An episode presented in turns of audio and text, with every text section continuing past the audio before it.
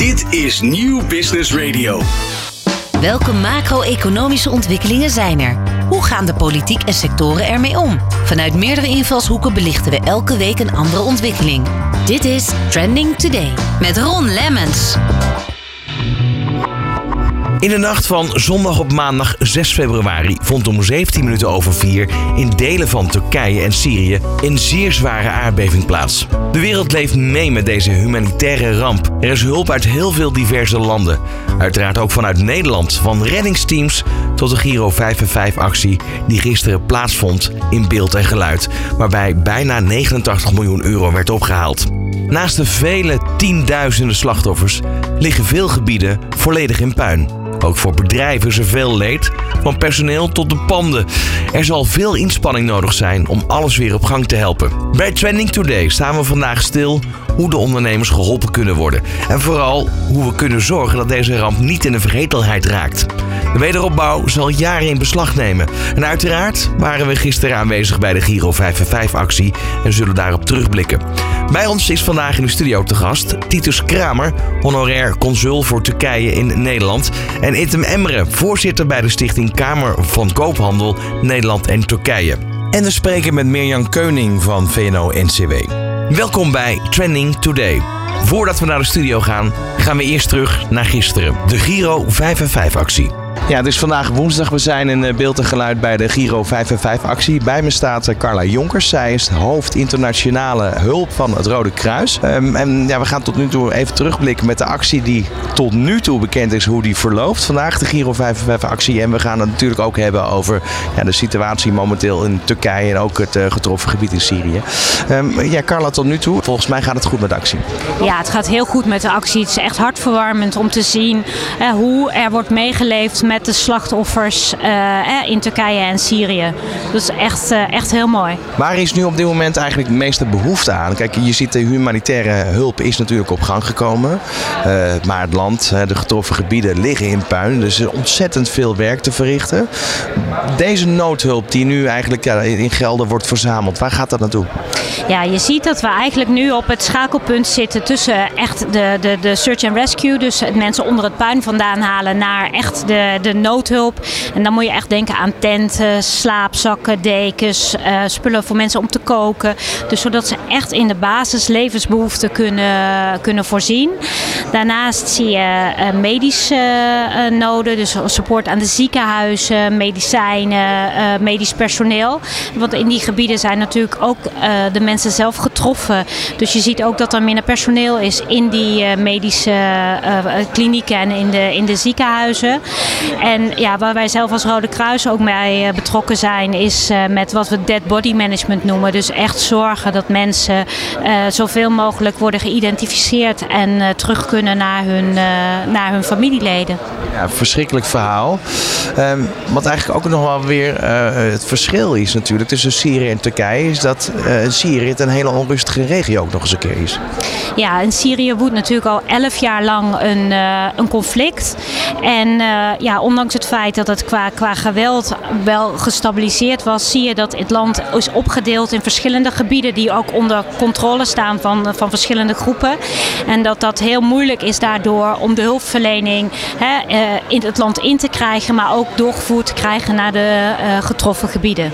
Ja, en hoe, hoe verloopt dat tot nu toe? Is er wel iets op gang gekomen inmiddels? Want je hoort er vrij weinig over als je het vergelijkt met de nieuwsgeving uit Turkije. Nou, je ziet inderdaad dat er in Turkije veel sneller opgeschaald uh, kan worden dan in, uh, in Syrië. In Syrië wordt er hulp verleend. Hè. De, de organisaties van Giro 555 zijn daar actief.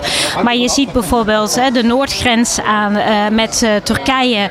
daar, daar was één grensovergang open. Daar zijn er nu twee bij geopend, zodat er meer hulpgoederen de grens over, over kunnen. Maar ja, het is gewoon veel lastiger, ook vanwege de sancties en de, de, het kunnen overmaken van geld, om daar ja, op te schalen. Ja, dan hebben we natuurlijk ook de Turkse gebieden. Veel banden zijn er ook tussen ondernemingen vanuit Nederland en, en Turkije. wat hebben jullie daar eigenlijk aan? Komen, komen daar inmiddels al wat acties op gang? ehm, wij horen dat er in heel Nederland acties worden georganiseerd hè, vanuit zowel particulieren als het bedrijfsleven en dat er geld wordt ingezameld. Wat wij zelf ook hebben gemerkt is dat er heel veel bedrijven die actief waren in Turkije ook contact hebben gezocht met de hulporganisaties om hulp aan te bieden, goederen aan te bieden. Nou is dat in, niet in eerste instantie waar, we, waar we op ingaan, omdat we echt geld willen inzamelen, omdat dat in de hulpverlening echt veel efficiënter uh, werkt. Maar ja, er zijn wel uh, heel veel bedrijven die laten merken dat ze er heel erg mee bezig zijn en zich daar ook voor willen inzetten. Ja, wat, wat verwacht je als Rode Kruis? Hoe lang duurt de operatie nog voordat eigenlijk het humanitaire deel klaar is? Nou, dat, dat is altijd heel lastig uh, te zeggen. Um, maar dit, dit gaat een operatie worden van jaren. Want zelfs al ga je uit de noodhulpoperatie, dan krijg je de, de fase waarin je eh, de eerste hersteldingen uh, gaat doen. Dus dan moet je denken aan tijdelijke opvanghuizen. Mensen krijgen nu een tent, maar dat is natuurlijk niet. uiteindelijk wil je naar ja, huizen toe met eigen watervoorziening, eigen elektrovoorziening. Dus dat moet allemaal weer worden, worden opgebouwd. Niet te vergeten de psychologische impact die dit ook gaat hebben op uh, een hele generatie die dit heeft meegemaakt. Dus we zijn nog wel een aantal jaren bezig om, uh, om hulp te verlenen. Dankjewel, succes met deze actie. Dankjewel, graag gedaan. Naast Carla Jonkers van het Rode Kruis sprak ik ook met Ahmed Marcouch, burgemeester van Arnhem. Ja, ik, uh, ik heb deel uitgemaakt van het belteam. Uh, en ik had de eer om namens uh, Nederlandse gemeenten uh, 8,6 miljoen, ruim 8,6 miljoen te doneren aan Gero 555. Dat is een mooi bedrag. Ja, het is, een, het is een mooi bedrag. Er is natuurlijk heel veel nodig. En uh, ja, als gemeenten worden onze inwoners ook direct geraakt. Omdat we allemaal in onze steden en wijken mensen hebben ja, die iemand, helaas iemand verloren hebben. Of familieleden, familieleden, ouders soms die dakloos zijn geworden. Nou ja, en als we speak, we staan hier, maar gisteren nog werden overlevenden gevonden. Dus er is nog bij heel veel mensen hoop dat degenen die vermist zijn misschien nog wel onder het puin levend. Uh, en die kans wordt steeds kleiner. Maar die hoop is nog steeds bij mensen. En, en ik denk dat we inmiddels helaas dat, ja, dat een ieder van ons in Nederland wel iemand kent die een familielid heeft verloren of op een andere manier heftig geraakt is. Ja, een ontzettend heftige humanitaire ramp. Waar wij in dit programma het over hebben ook is de, de toekomst. Want uh, ja, de grote gebieden van Turkije liggen gewoon in puin. Ook delen van Syrië. Um, straks dan is de eerste actie, de eerste golf is achter de rug. Maar dan begint de wederopbouw. In hoeverre heeft u zicht op het feit van ja, wat er al gebeurt onder, bij ondernemingen, bijvoorbeeld in de gemeente Arnhem? Zijn er al acties op gang gebracht? Nou, wat je ziet is dat, dat dit is gewoon een ongekende uh, ramp. Uh, Turkije kent natuurlijk vele aardbevingen. we hebben Haiti gehad. Maar dit is, dit is zo groot dat we eigenlijk op dit moment waarschijnlijk nog niet uh, de ramp kunnen overzien in volle uh, omvang. en waar iedereen nu mee bezig is, is de noodhulp, de opvang nu. en inderdaad, naarmate de tijd vordert, zullen we ook na moeten denken over ja, hoe gaan we de mensen helpen om weer dat huis te bouwen. De scholen moeten weer gebouwd worden. de, de zorg, de gezonde ziekenhuizen, schoon water, voedsel. Uh, dat zijn zaken wel uh, die, uh, ja, die de komende tijd veel meer gaan spelen. En dan is het natuurlijk, dan is de kracht om toch die aandacht te blijven houden. Je ziet bij elke ramp dat op het moment suprem die aandacht volop aanwezig is, hoog is. Maar naarmate de tijd voordat is het risico. Uh, ik kan me dat bijna niet voorstellen bij zo'n hevige ramp. Maar het is wel, uh, waakzaamheid is geboden. En je ziet dus dat ondernemers op dit moment heel erg ook doneren. Uh, en, en soms grote bedragen doneren. maar tegelijkertijd dat denken over en wat is er nodig om straks ja, de, de, de, wederopbouw te doen. Ja, dat is een inzicht die we later gaan krijgen. En dan is het zaak dat we elkaar ook dan vasthouden. Ja, dat was uh, Ahmed Marcouch. Uh, gisteren in beeld en geluid tijdens de Giro 555 actie. We gaan uh, ja, hier in de studio verder praten met Titus Kramer. Hij is honorair consul voor Turkije en Nederland. hoe lang eigenlijk al, Titus? Nou, ik ben het sinds vier maanden. Ja, het is heel kort. Misschien moeten we toch even die functie omschrijven. Want wat, wat doet een honorair consul? Nou ja, het belangrijkste is dat hij een ondersteunende partij is voor de ambassade in Nederland, Turkse ambassade. Uh, met een aantal doelstellingen, niet politieke doelstellingen, maar het, uh, het verbeteren en het aantrekkelijk maken voor Turkse ondernemers om in Nederland te komen ondernemen. Uh, uitwisseling van studenten uh, staat op het programma. Culturele aspecten, dus de, het eten, de cultuur van Turkije meer bekendmaken in Nederland. En dan hebben we natuurlijk nog een, eh, een mooie uitdaging die ik zelf eh, interessant vind, is om te kijken of we de agrarische sector niet richting Turkije kunnen krijgen. Want er ligt heel veel gebied vrij om daar goed te kunnen ondernemen. Precies, en dat was eigenlijk ja, natuurlijk waar je vier maanden geleden mee instapt. Ja. Um, wat is jouw link met Turkije? Ik ben uh, sinds 2005 uh, begonnen met investeren in Turkije in onroerend goed. Uh, heb daar ook de cultuur kunnen proeven en de mensen kunnen ontmoeten. En eigenlijk verliefd geworden op het land, op de mensen, uh, hoe bijzonder het is. En uh, van daaruit uh, heel actief bezig geweest en daardoor ook de Turkse gemeenschap in Nederland leren kennen. En vanuit die hoedanigheid ben ik gevraagd om uh, honorair consul-generaal te worden voor Turkije. Ja, dat zou je toch kunnen zien eigenlijk als een eervolle ja, bevraging. Zeker. Althans, een vraag vanuit ambassade gebeurt dat, hè? En, ja. Ja, um, ja dan, dan um, ben je vier maanden onderweg en dan in één keer komt het nieuws van deze vreselijke aardbeving. Ja, dat is. Weet je nog, waar, waar, was je op dat moment? Nou, ik zat uh, volgens mij in de auto uh, toen ik het hoorde. Uh, en ik schrok me rot, want ik dacht eerst, nou, dat, dat kan niet zo groot zijn of niet zoveel zijn. Maar toen hoorde ik de omvang. Ja, dat kan je in het begin helemaal niet bevatten. Maar dan zie je de beelden op tv en dan denk je, jongens, dit is ongelooflijk. Dit is gewoon drie keer Nederland wat weggevaagd wordt. Nou, gaat maar opbouwen. Ja, en dat is ook de reden dat we deze uitzending maken. Um, er zullen vele uitzendingen volgen op verschillende media. Er zullen vele initiatieven uh, komen. Um, ja, in principe is nu. Um, er is vandaag nog iemand gevonden onder het puin. Dus ja. dat geeft eigenlijk aan dat de humanitaire reddingsoperatie nog niet voorbij is. Uh, maar ja, je kent het bij veel rampen. Op een bepaald moment gaat het leven weer door. En dat is eigenlijk ook de reden dat we kijken van wat speelt er nu al? Wat voor acties worden er um, ja, geïnitieerd bij ondernemers op dit moment? Wat is jouw, jouw zicht daar tot nu toe? Hoor? Nou ja, wat goed is, kijk, iedereen uh, in Nederland uh, is opgestaan. Hè? Je hebt niet vergeten, we hebben in Nederland ongelooflijk veel Turkse ondernemers die daar ook familie hebben. Dus vanuit de Turkse gemeenschap is natuurlijk enorm veel gedaan al. Dat, dat vanuit ondernemerschap, want de meeste Turken hier zijn ondernemers. en het uh, tweede is dat de Nederlanders zelf ook gezien hebben dat hier wat moet gebeuren. Dus dat hebben we gisteren ook gezien. Hoop geld binnengehaald. Los van dat geld is er al heel veel op andere fondsen ja. binnengekomen. Het belangrijkste is nu natuurlijk dat we eerst mensen onderdak gaan geven. En dat, want er zijn mensen die zitten zonder huizen.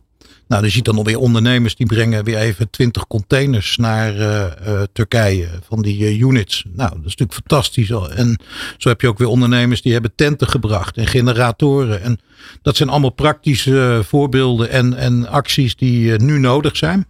Maar er komt, wat jij terecht net zegt, ja, op een gegeven moment gaat het leven door. En dan moet er weer opgebouwd worden. En daar ligt natuurlijk voor ons als ondernemers in Nederland een enorme uitdaging. Want we kunnen daar niet alleen hulp bieden, maar je kan er ook commercieel naar kijken. Ja, en, en dat, dat, dat zei je eigenlijk net al van um, een van de vier punten uh, waarbij je gezegd hebt van nou hier wil ik mijn functie in vervullen is onder andere om te kijken of bijvoorbeeld boeren naar Turkije uh, kunnen ja, emigreren om daar hun bedrijf voor te zetten. Ja. En nou ja, dan hebben we natuurlijk meteen de link met de stikstofcrisis. Ja. Um, in, in hoeverre ja, is dat soort, zijn dat soort zaken op dit moment nog Um, ja, heel belangrijk? Of, of is dat juist een kans waarvan je zegt van ja, dat is juist wat we nu extra moeten gaan benoemen?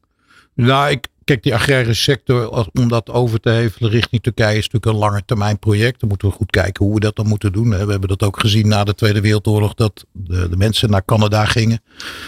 dat zijn hele processen, maar het is zeker een belangrijk onderdeel om daarnaar te kijken. Maar even terug naar de ramp. En, en uh, daar moeten we veel meer gaan kijken. Hoe kunnen we bijvoorbeeld met steden die een stad gaan adapteren en uh, de wederopbouw daarmee begeleiden met onze kennis en kunde.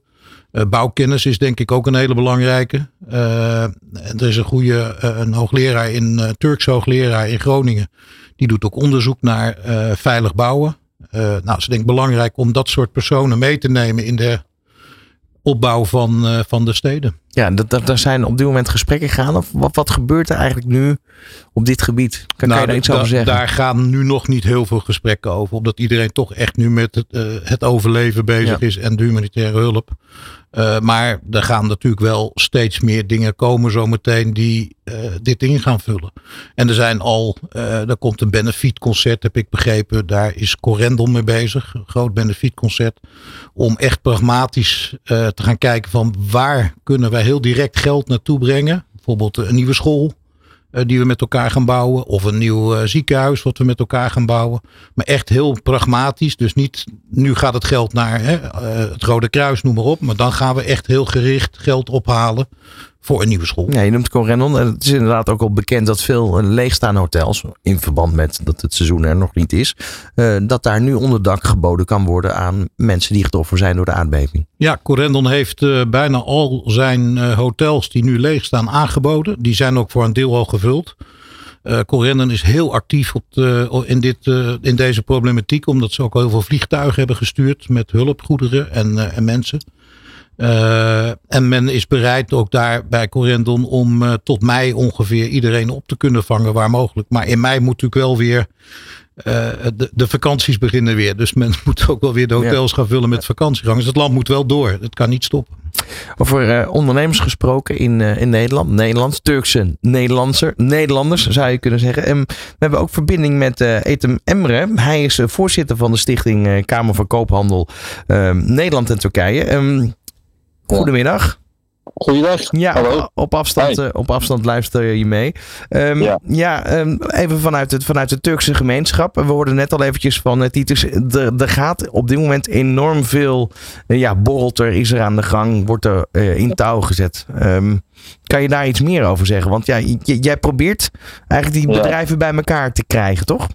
Precies, ja. Er is heel veel gaande vanuit de Turkse ja, stichtingen, verenigingen ondernemersverenigingen. Dus iedereen doet uiterst zijn best om daar goederen en materiaal te krijgen die daar nodig zijn.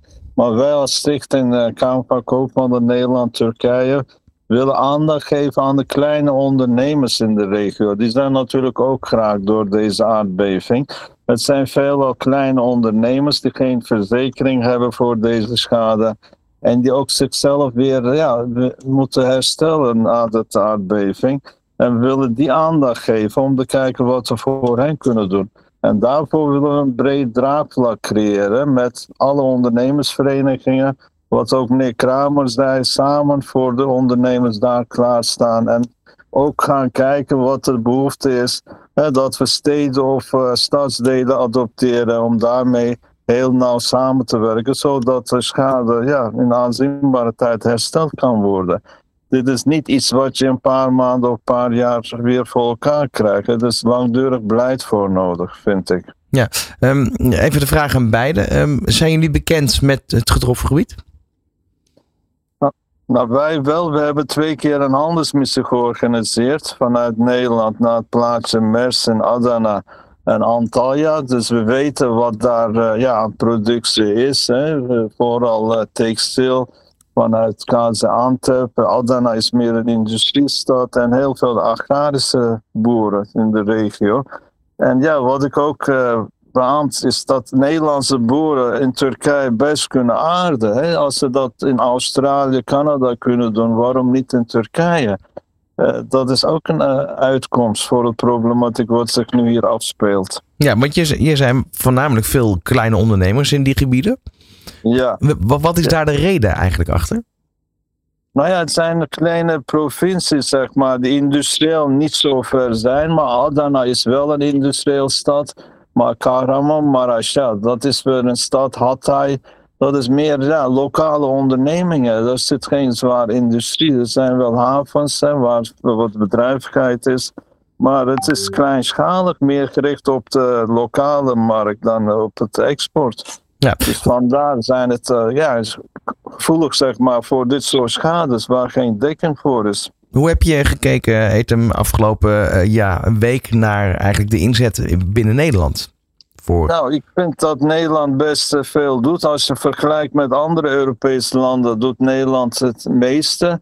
ook dat geldinzameling, dat is toch een gigantische bedrag geworden. Als we kijken naar buurlanden, zijn dat soort acties ja, niet geweest. Misschien komen die nog.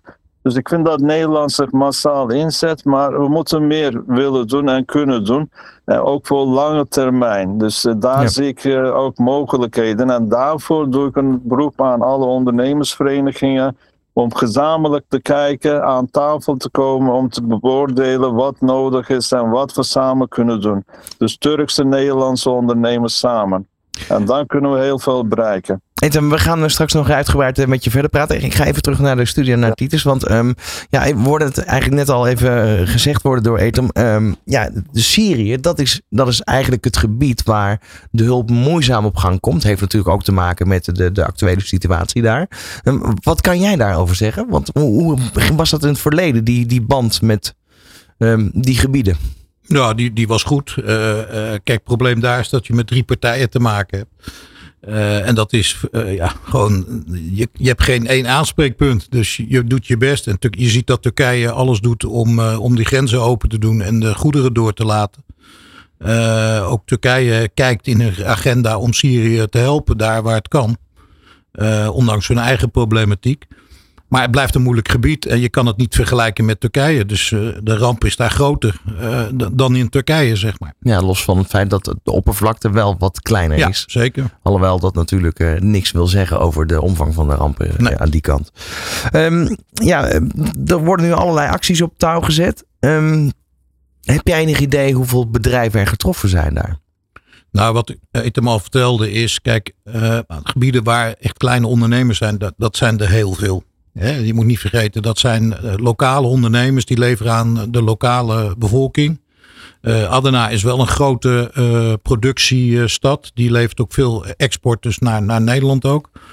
Uh, ja, daar liggen heel veel dingen plat. Ja, veel, veel textiel, textiel, ook. Zei ja, internet al eventjes. En het is ja. niet alleen dat die gebouwen plat zijn, maar de mensen zijn ook weg. Dus, dus ja. de productie kan niet morgen zomaar opgestart worden. Dus daar is een enorme behoefte om, om dat in te gaan vullen. En ik denk dat daar ook de samenwerking zit met de Nederlandse ondernemers. De Turkse Nederlandse ondernemers, maar ook gewoon de Nederlandse ondernemers. Om uh, te gaan kijken hoe kan je die fabrieken weer ondersteunen. En hoe kan je kennis leveren en misschien ook wel handjes richting uh, deze uh, partijen. Ja. Toen ik uh, Etem gisteren voor het eerst sprak, eerste Etem wat je tegen me zei was de lange handelsrelatie eigenlijk tussen Turkije en Nederland. Ja, dat is niet van gisteren. Sinds 1612 zijn er betrekkingen tussen de Nederlandse Rijk en de Ottomaanse Rijk. Dus in die zin hebben we een lange historie met elkaar. Er waren ook tijden dat de sultans Nederland te hulp kwam. Dus uh, ik vind dat dat ook uh, benoemd en gezegd mag worden.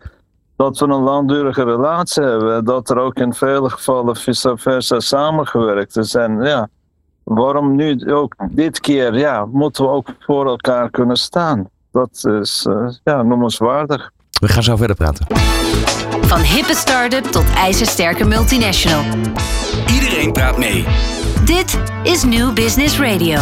Moby op New Business Radio in het uh, programma Trending Today. Waar we vandaag uh, stilstaan uh, bij de aardbeving in Turkije en Syrië. Met name dus ook de ondernemerskant. En ja, wat als straks de storm is gaan liggen en iedereen eigenlijk weer doorgaat met het dagelijkse leven. Dan begint de wederopbouw pas. En dat is eigenlijk ook waar we vandaag dus volop bij stilstaan. En dat doen we met in de studio Titus Kramer. Hij is honorair consul vanuit Turkije. Uh, ja, en natuurlijk Nederlander eigenlijk van origine, maar heel veel banden al uh, enige jaren met, met Turkije. En op afstand hebben we Etem Emre, voorzitter bij de Stichting Kamer voor Koophandel Nederland en Turkije. Um, Etem, even als eerste weer terug naar jou. Um, want ja, je hebt natuurlijk, je bent van Turkse komaf. Um, heb jij daar familie bijvoorbeeld in dat gebied? Nou ja, familie niet. Ik kom zelf uit Trabzon aan de Zwarte Zeekust. We kennen natuurlijk wel ondernemers, van, uh, relaties hier die daar wel familieleden hebben. Uh, er zijn natuurlijk ook heel veel mensen uit de streek vertrokken naar Istanbul, naar andere steden, omliggende steden waar alles nog veilig is. Dus voor hun, eh, sommigen zijn afgereisd daar naartoe om uh, ja, te zien wat er gaande is. En sommigen volgen het op afstand. Dus het zijn natuurlijk trieste verhalen dat mensen ja, hun geboortestreken moeten verlaten en niet te weten wanneer ze terug kunnen, wat ze nog uh, kunnen verwachten. Dus het is een hele nare situatie voor iedereen die daarbij betrokken was. Ja, Dus en, en, en eigenlijk met de ondernemers die je spreekt binnen Nederland. Wat waren de eerste reacties überhaupt? Wat was jouw eerste reactie? Nou ja, dat hier een hele grote ramp gaande is natuurlijk. Hè. In het begin dachten we het zal meevallen, maar met de dag eh, ja, werden de doodaantallen groter en ja, veel eh, gewonden. En 150.000, nee 350.000 gezinnen, zeg maar, die hun eh, huizen niet meer in kunnen. En het zijn ja, ruim 10 provincies die hierbij betrokken zijn. Dus de omvang werd later duidelijk. Ja, je staat er niet bij stil, maar het gaat om ja, bijna 10 miljoen mensen die Ja. daar een- op een andere manier bij betrokken zijn. En dit heeft Turkije in zijn geschiedenis op, van deze omvang niet meegemaakt. Dus iedereen is verbaasd en ja, mensen vragen zich ook af hoe dit herstel gaat worden. Op welke termijn. De regering belooft wel binnen een jaar heel veel mensen weer te huisvesten. Maar dat is Heb je daar vertrouwen in? nou ja, tuurlijk, Turkije heeft de kracht om dingen te doen. Dat hebben we ook gezien met heel veel andere infrastructuren. Maar dit ja, is moeilijk. Zo'n gebied binnen een jaar weer op orde krijgen. Ja, of er moet heel veel hulp bij komen. Van eh, internationale hulp. Ja, alles is mogelijk natuurlijk. Turkije kan bouwen met de goede voorschriften. Zou dat kunnen. Maar ja, er moet dan veel eh, gebeuren. Wil je dat realiseren binnen een jaar? Etem, is, is, hoe zie jij eh, de, zeg maar de bouwbedrijven in Nederland, hoe die zouden kunnen helpen? Zou, daar een opening zijn voor naar Turkije? Hè? Want dat is natuurlijk, Turkije kunnen, kan zelf heel goed bouwen, dat weten we. Eh, Ja, inderdaad, wat je zegt, wel die voorschriften eh, eh, eh, hanteren. Dat doen we in Nederland trouwens ook niet altijd hoor. We hebben de Eindhoven, is ook een parkeergarage ingestort en een flatgebouw met balkons. Nou, Dus we moeten niet denken dat het overal beter is. Maar zouden voor Nederlandse bouwers iets te doen zijn daar? Zouden samenwerken? Nou, Zonder, zonder meer. Ik denk dat Turkije daarvoor open zal staan. Mits daar gewoon goed overleg is met de bouwconstructiebedrijven. Die zijn, zitten ook in een platform. Dus wij zouden daarin zeker een rol in kunnen spelen om dat bespreekbaar te maken. En Renaissance heeft hier ook een bouwbedrijf overgenomen. Dus in die zin zit hier al een Turkse bedrijf. Eh, het is, eh, Ja, en wij zijn Alles- misschien iets verder ja. met techniek hè, in Nederland. Hè, met de, de ja. manier van bouwen. Dus die voorsprong zou. Turkije natuurlijk over kunnen nemen. Ja, En- nee, bij onze diplomatieke besprekingen met Turkije zou dit zeker aan orde kunnen komen. En als Nederland zich daarvoor in wil zetten, ja, zou dat welkom moeten zijn vanuit Turkije. Samen bereik je een hogere kwaliteit en een hogere niveau voor de bouw. Ja, want dat, dat is eigenlijk wat je zegt. Van, nou ja, daar zijn eh, kansen. En dat is enerzijds Ja. vanwege hulp. Andere kant ook economisch. Ja. Ehm, Die, die, die, die, eh, die banden op dit moment tussen Nederlandse eh, bedrijven. Die zeg maar met Turkse kom af. En, en de Nederlanders onder elkaar. Heb je daar bijvoorbeeld verhalen van gehoord? Van hoe Nederlandse ondernemers eigenlijk hun buurman, buurvrouw eh, helpen. Of ehm, ja, op een of andere manier ondersteunen? Vraag je het aan mij? Jazeker. Oké. Nou ja, wij hebben hier natuurlijk ook contact met Nederlandse bedrijven die we in het verleden begeleid hebben, die nu in Turkije een vestiging hebben. Die maken zich wel druk om het gebied en die vragen ons ook wat ze kunnen doen. Sommigen willen een percentage van een eh, jaaromzet afstaan, sommigen willen bijdragen, sommigen willen er naartoe. Maar wij zeggen, we gaan dit eh, eerst een platform creëren waarin wij met meerdere organisaties samenkomen en dan daarop eh, een beleid bepalen hoe hiermee om kunnen gaan. Dit is niet een eh, actie wat één organisatie voor zijn rekening kan nemen. Dus daarom doe ik een, een beroep, hè, oproep naar alle ondernemers, belangenverenigingen, die hier en voor hun een rol zijn weggelegd om met die organisaties een keer aan tafel te komen. Om te kijken wat de beste werkwijze zal zijn. Dan voor lange duur. Dit heeft echt jaren nodig, willen we dat gebied weer krijgen wat het was. En wellicht met nieuwe instrumenten nog beter ontwikkelen, zodat we ook daar straks weer productie hebben richting Nederland. Turkije is een alternatief voor China als productieland. Er is heel veel mogelijk. Maar dat moeten we ook faciliteren en ondersteunen. Ja. En daar liggen heel veel kansen voor de Nederlandse ondernemerswereld. Nu met, met eh, de aardbeving in het achterhoofd, is, is daar eigenlijk tegen te bouwen, vraag ik me af. Ja, er is Ja. tegen te bouwen. In Japan, Ja. eh, LA. Ja.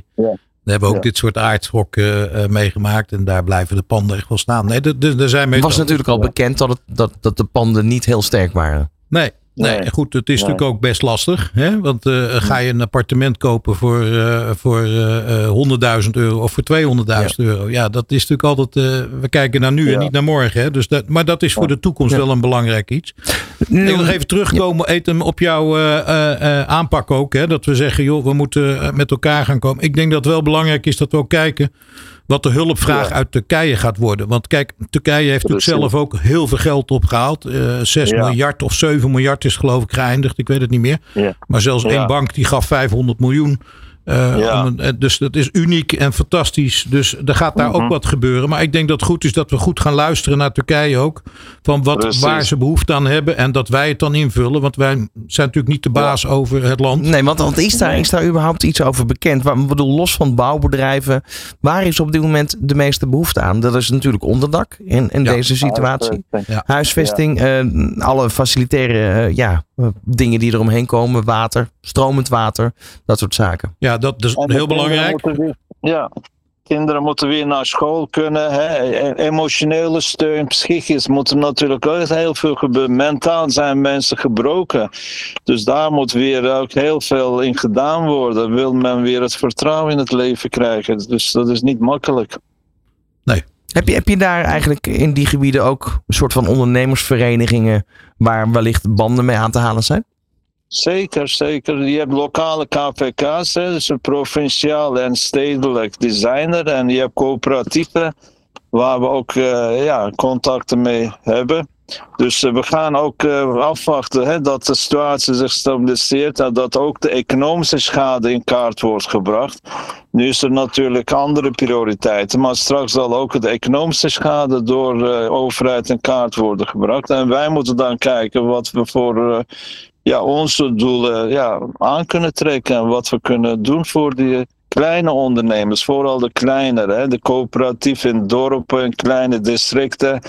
Ja, die moeten juist extra geholpen worden. En ik verwacht niet dat de overheid, Turkse overheid, daar heel veel financiële voorzieningen voor beschikbaar kan maken. Totale schade wordt geschat op zo'n 100 miljard dollar. Nou, dan ben je er nog niet met eh 6 miljard, wat Turkije heeft opgehaald, en eh, ja, 80 miljoen in Nederland.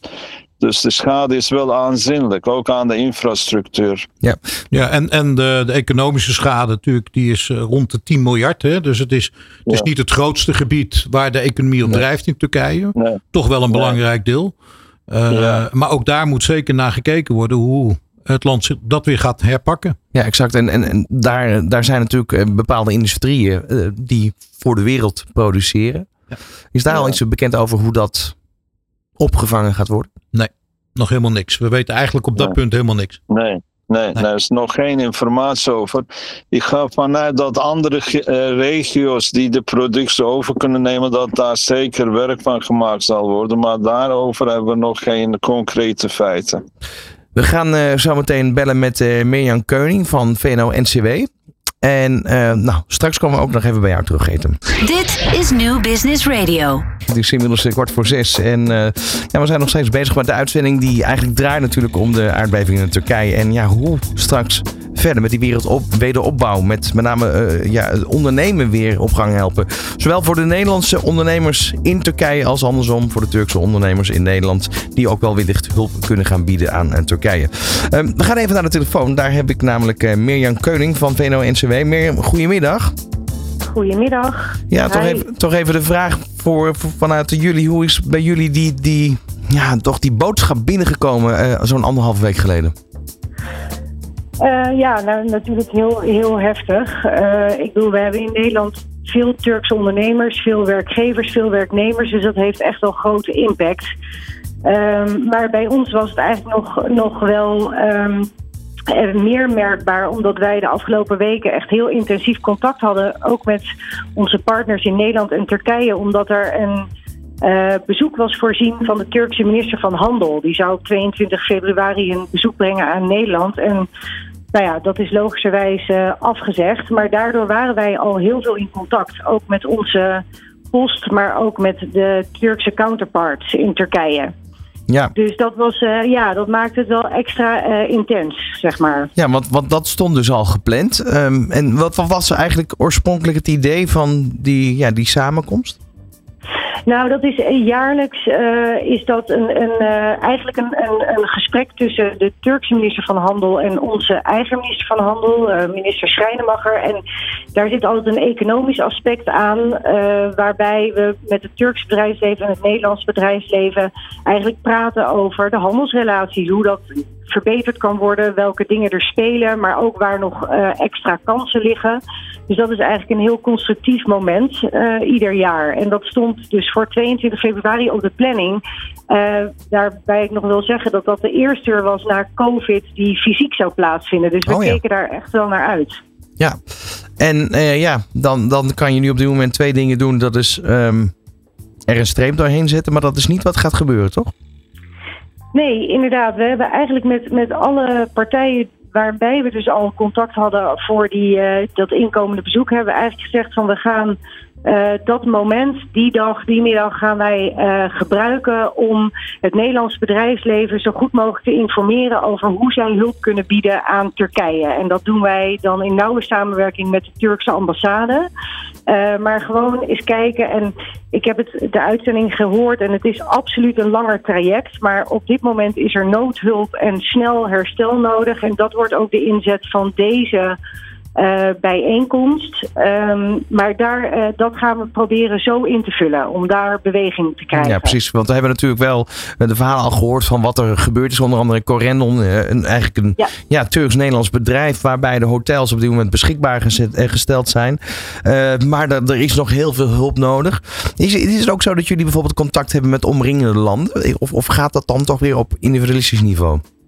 Nou, kijk, dit is een voorbeeld wel van een bilateraal niveau, omdat we dus al bezig waren en echt dat, dat in de lijn van die, dat geplande bezoek hebben gepland. Maar uiteraard zoeken wij ook andere landen op. En uiteraard denken wij bijvoorbeeld ook hè, aan Syrië, uh, die, wat getroffen is. Dus wij proberen die lijnen echt te leggen. Het is natuurlijk nu een week geleden gebeurd. Dus we focussen nu eerst op deze bijeenkomst om hier heel gericht resultaten te behalen en te zorgen dat het Nederlands bedrijfsleven goed geïnformeerd is over wat er nu nodig is. En uiteraard heeft het al onze aandacht om de lijnen te leggen met, met andere landen en ook de bredere hulp te bieden. Ja, exact. Als er nu ondernemers zijn, echte Nederlandse ondernemers die denken van nou we willen hier iets mee, waar, waar kunnen ze dan terecht? Nou, dan kunnen ze terecht bij op de website van VNO-NCW, maar ook de Rijksdienst voor Ondernemend Nederland uh, bericht erover op hun website. Um, en wij hebben uh, ook de meeste ondernemersverenigingen, volgens mij, uh, het is gewoon een, openbaar, een openbare bijeenkomst. Dus via allerlei kanalen, nou ook middels dit kanaal, proberen wij wel iedereen dat onder de aandacht te brengen. Dus via de overheid, via VNO, daar, zijn, daar is alle informatie te vinden daarover. Ja, in ieder geval een vertrekpunt in de, de juiste richting, zou je kunnen zeggen, Titus. Ja, zeker. En hier hebben VNO en NCW ook hard bij nodig. Uh, kijk, hoe meer gestructureerd uh, je de informatie kan geven aan ondernemers in Nederland. Hoe beter je zometeen uh, uitvoering kan geven aan hulp in het land zelf. Hè? Dus, en het zou mooi zijn als die, de, de, de handelsdelegatie toch nog ergens op korte termijn weer tot stand komt. Want deze minister kan juist vertellen wat, wat ze nodig hebben. Ja. Uh, en dan is het mooi dat 22e door VNO-NCW ingevuld wordt als een informatiedag. Ja. Dat is fantastisch. Mirjam, dankjewel en succes met de voorbereiding. En ja, hopen dat het een, een, een goede, vruchtbare dag wordt, 22 februari. Ja, heel veel dank. Dankjewel. Heel fijn. Ja, gaan we hier in de studio nog even verder praten, uh, dit is, Want um, ja, zo, zo zie je dat er wel uh, zaken op gang beginnen te komen. Waar ben jij nu zelf op dit moment mee bezig? Nou, ik krijg heel veel aanvragen van uh, bedrijven, wat ze kunnen doen. Uh, we hebben natuurlijk een beetje een, een, uh, ook een lastig pakket in Nederland, want de oud-ambassadeur is in december vertrokken. En de nieuwe is net begonnen, dus die moet zich nog helemaal inwerken. Dus daar ligt ook nog even een, een uitdaging, hè, voordat hij alle partijen heeft gesproken. Ja. En Maar goed, wat, wat, wij, wat ik doe is zoveel mogelijk alles bij elkaar rapen wat er gevraagd wordt. En dat zo goed mogelijk teruggeven aan de ambassade. Ja, en, je, en dan een gericht plan maken. Ja, en, en waarschijnlijk leer je veel nieuwe mensen kennen op dit moment ook. Ja, dat is natuurlijk vanuit deze functie uh, leer je weer andere mensen kennen. En uh, moet ik zeggen, leer ik elke dag. Want uh, er is natuurlijk ook altijd, de een wil dit, de ander wil dat.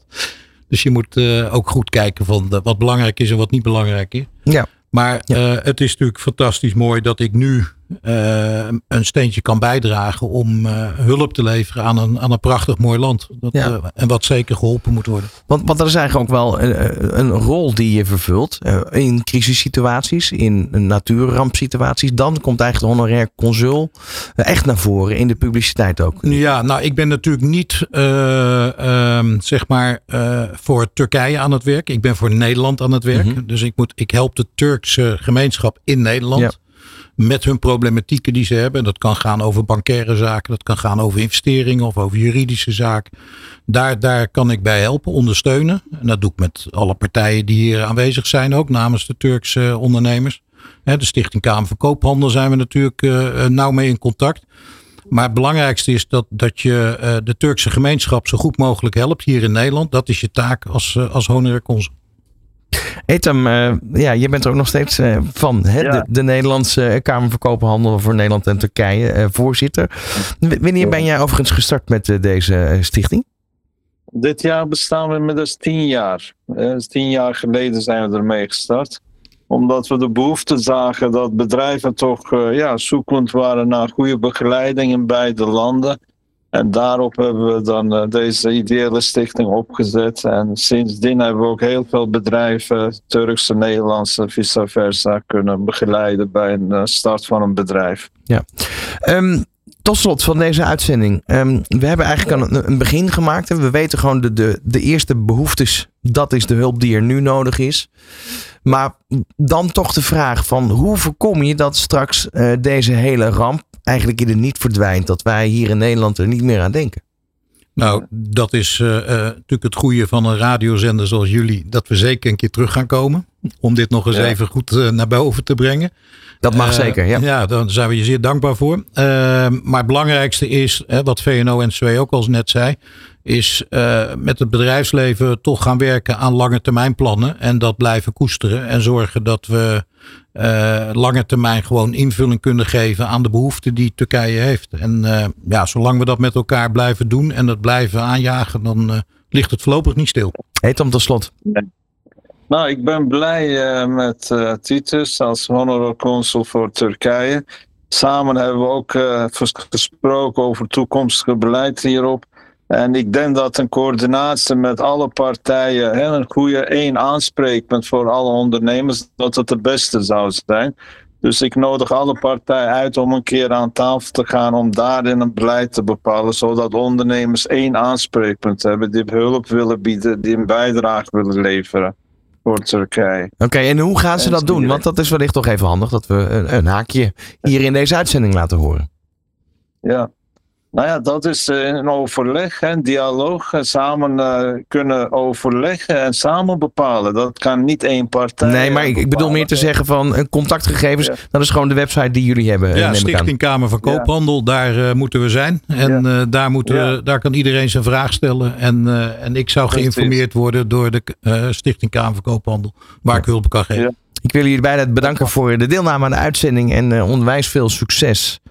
Uh, ja, met de wederopbouw, met de, de, de bijdrage die hier aangeleverd wordt. Want uh, dat is heel hard nodig. Dankjewel. Oké, okay, dankjewel. Tot zover deze aflevering van Trending Today. Wil je hem terugluisteren? Dan kan dat via de website newbusinessradio.nl. Dit is New Business Radio.